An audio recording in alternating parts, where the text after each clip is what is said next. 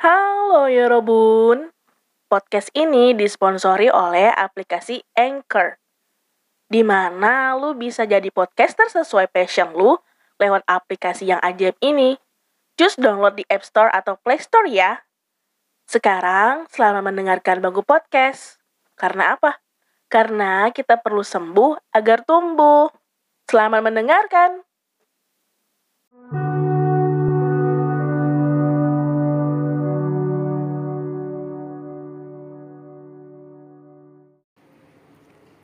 Dari apa yang udah terjadi gue bisa menyimpulkan di mana tetap ya jika keluarga yang melukai kita itu bakal susah sembuhnya bahkan gak bisa sembuh. Tapi pas orang lain yang gak ada kaitan darah udah nyakitin kita segimana mungkin juga kalau hati kita udah terima akan apa yang udah dia lakuin terus kita ditanya kamu udah maafin dia dengan segala hal yang sudah ia lakuin sama kamu di tempo dulu kita tuh dengan mantap menjawab udah. Kita bisa jawab tanpa ragu dan yakin banget kalau nggak ada alasan gitu untuk nggak maafin dia. Atau bahkan pernyataan yang menyatakan betapa berat dan sakitnya luka yang udah ia torehkan tetap kita mampu untuk memaaf, memaafkan secara perlahan tapi ketika luka yang kita dapatkan itu ditorehkan oleh keluarga sendiri, kok susah banget ya hilangnya. Bukannya nggak mau terima atau mencoba untuk rela akan apa yang udah jadi takdir gitu. Memang sesusah itu. Orang lain yang nggak ada di posisi kita enak aja ngomongnya kan ya udah maafin. Walau bagaimanapun dia tetap ayah kamu. Walau gimana pun dia tetap ibu kamu. Walau bagaimanapun dia tetap orang tua kamu. Dia tetap keluargamu. Iya ya paham. Tapi siapa sih yang nggak pengen punya kedamaian dalam hidup dama dan dirinya gitu? Tuh siapa sih? Memangnya enak bawa luka ini seumur hidup gitu? Emangnya enak nanggung kesedihan ini dan gue tuh sebenarnya bukannya nggak mau. Dan gue juga pastiin gue udah mencoba hanya saja. Gue belum ketemu jalannya gimana caranya kayak apa. Yang jelas untuk melanjutkan hidup gue lebih memilih untuk mengabaikan menyampingkan atau bahkan pura-pura lupa dulu supaya gue bisa baik-baik aja. Nah ini sebenarnya sementara gitu karena apa akan ada masa di mana kita tuh akan ngerasa berat banget ngejalanin hari.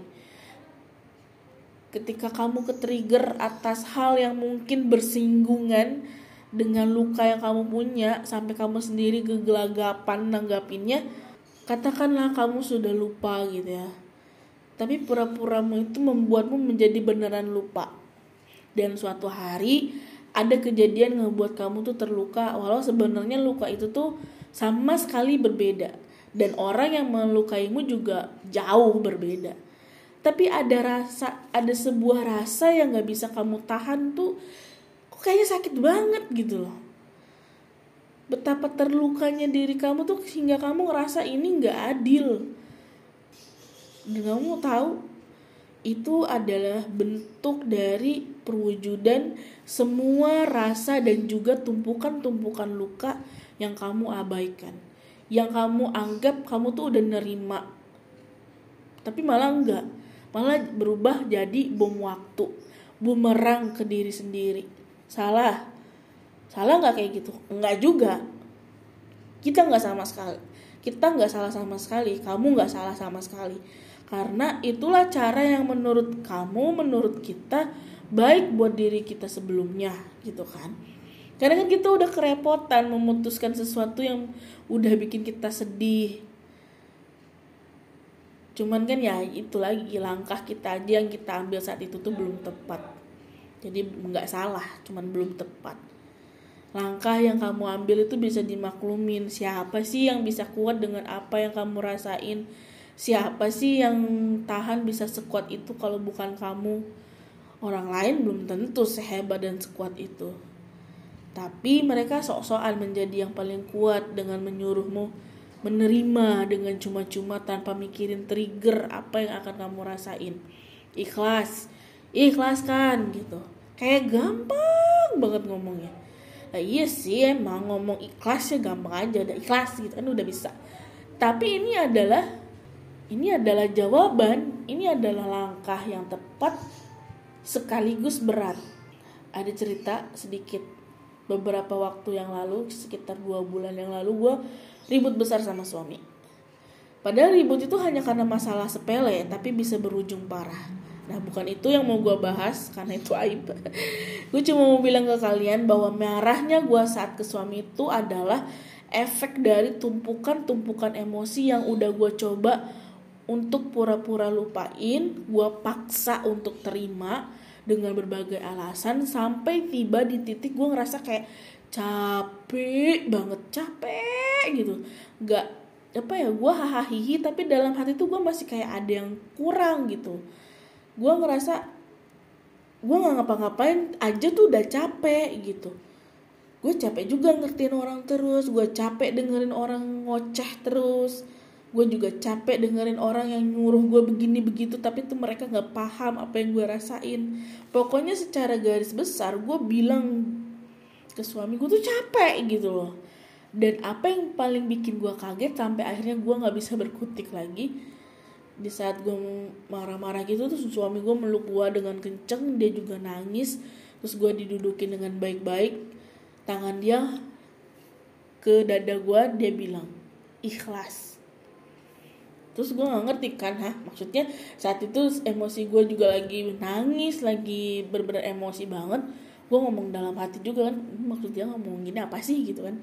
Terus dia bilang kamu itu belum ikhlas makanya semua numpuk kan di sini di samping nepuk dada gue wah seketika itu juga gue nangis lagi sekenceng-kencengnya gitu. Kayak apa ya kayak gue ditampar gitu loh.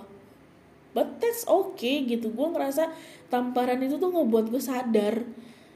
Dan suami gue yang di deket gue itu saat itu juga ikutan nangis dan ikut masuk ke emosi yang sedang gue lepasin dia bener-bener nemenin gue dia nungguin gue bener-bener sampai tenang. Nah setelah tenang dia baru bilang ya saya juga sebenarnya marah saya juga sebenarnya tidak terima. Siapa juga sih manusia di dunia ini yang terima jika orang yang dia jika orang yang dia cintai disakiti terus-terusan tanpa henti? Orang juga bakal dendam dan mencoba untuk membalaskan rasa sakitnya kan saya tuh sedih. Luka kamu begitu banyak tapi mereka belum cukup. Belum merasa puas. Hati manusia mana yang gak sedih? Tapi saya harus realistis. Jika saya menyuruh kamu untuk terus membalas apa yang mereka lakukan lalu bedanya kamu sama mereka apa kalau saya ditanya saya muak iya saya muak Bayangin belasan tahun sejak saya sama kamu sama-sama enggak ada satu tahun pun kamu lewatin tanpa tangisan, tanpa luka dari mereka. Lalu kamu pikir saya baik-baik saja gitu? Saya sakit. Saya sedih lihat kamu menangis tanpa sebab tiba-tiba.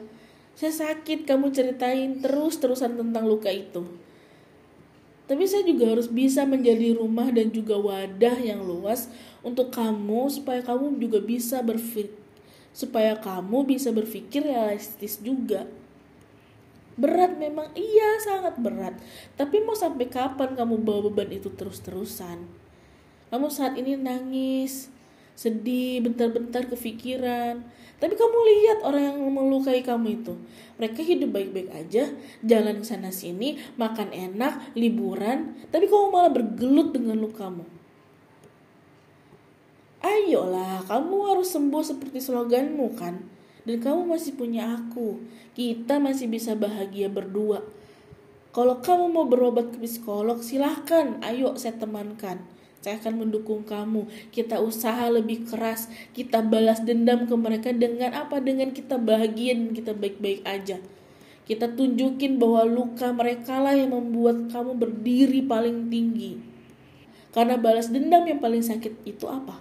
Tetap hidup dengan bahagia. Tetap bertahan dengan segala kekuatan. Kamu pasti bisa. itulah kira-kira begitu banyak sih cuman gue ingetnya itu aja dia bilang bilang kayak gitu dia benar-benar menatap mata gue sambil menangis juga sambil ngomong itu secara terbata-bata dan gue paham. Nah sejak hari itu gue jadi berpikir oh iya jalan satu-satunya gue harus ikhlas. Dan gue juga butuh tenaga ahli untuk bisa gue tanyain gitu loh. Bukan untuk menyembuhkan setidaknya untuk bisa mengarahkan gue gitu ke mana dan langkah apa yang harus gue ambil agar gue menerima secara rela atas semua luka yang gue bawa selama 30 tahun ini. Dan gue yakin banget kalian juga pasti bisa.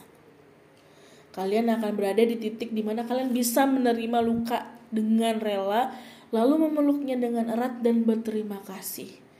Karena sungguh luka-luka itulah yang sebenarnya menjadi kekuatan untuk kita terus bertahan dan terus berharap dan beberapa waktu yang lalu akhirnya terjawab sudah.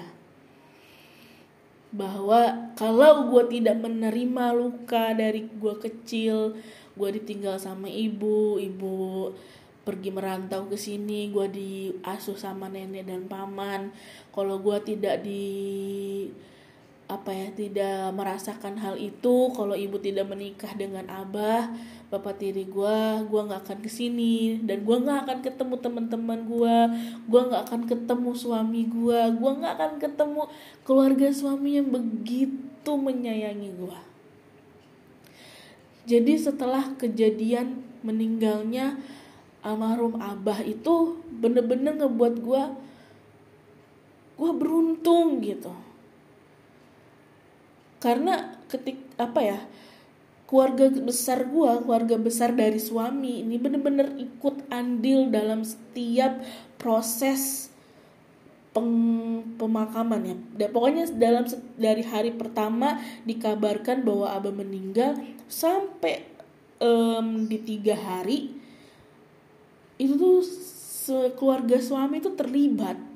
Dari bapak mertua ibu um, Pak D, Pak Le, pokoknya semua gitu loh. Sepupu juga ikut tuntangan, ikut kasih support. Dan beda gitu. Kalau keluarga Bogor itu menjelek-jelekan gua, memojokkan gua, menjust, menjustifikasi gua, tapi kalau keluarga suami itu benar-benar ngedukung yang selalu ada buat gua gitu loh. Dan dari duka yang gua alamin ini adalah gua mendapatkan kesimpulan bahwa ya gua gak pantas untuk terus-terusan sedih. Gue harus terima luka ini. Kalau gue gak dapetin luka ini gue gak akan mendapatkan berkah ini. Gitu kan. Istilahnya tuh kalau gini deh gue adalah healer. Kalau healer berada di di circle-nya tukang masak atau di circle-nya tukang jahit ya gue gak akan nyambung kan. Orang gue adalah healer tapi kalau misalnya gue ada di rumah sakit, circle-nya dokter, suster, perawat dan segala macem, ya cocok. Karena kan healer itu adalah penyembuh gitu, yang menyembuhkan. Yang membantu orang untuk sembuh, sorry. Kalau menyembuhkan itu tuh urusan Tuhan. Gitu kan. Jadi gue tuh berada di keluarga suami itu berada di keluarga atau circle yang tepat dan gue bener-bener ngerasa I'm worth it. Gue sepadan gue seberharga itu. Dan sekarang gue harus ngelanjutin hidup gue dengan lebih tenang lega enteng. Ya gue ikhlas. Walaupun ikhlas nggak bisa disebutin gak bisa diucapkan karena harus dilakukan ya tapi pokoknya gue udah mencoba untuk iya gue terima. Dan gue harap kalian juga silahkan cari carilah apa pun itu yang bisa ngebuat kalian yakin bahwa kalian merasakan susah, merasakan sulit, merasakan sakit, itu ada hikmahnya. Ada kebahagiaan di balik itu. Dan kalau kalian sudah menemukan, silahkan kalian ceritain, silahkan kalian DM atau kalian email ke trilogi persahabatan at gmail.com dan gue pasti baca dan gue seneng banget. Dan kalau misalnya kalian belum silahkan cerita juga. Mana tahu gue bisa kasih pandangan baru sudut pandang yang lain. Oke? Okay? perjalanan sembuh kita masih panjang. Ayo kita sama-sama berusaha. And I know we can do it. Oke? Okay? love you. Bye bye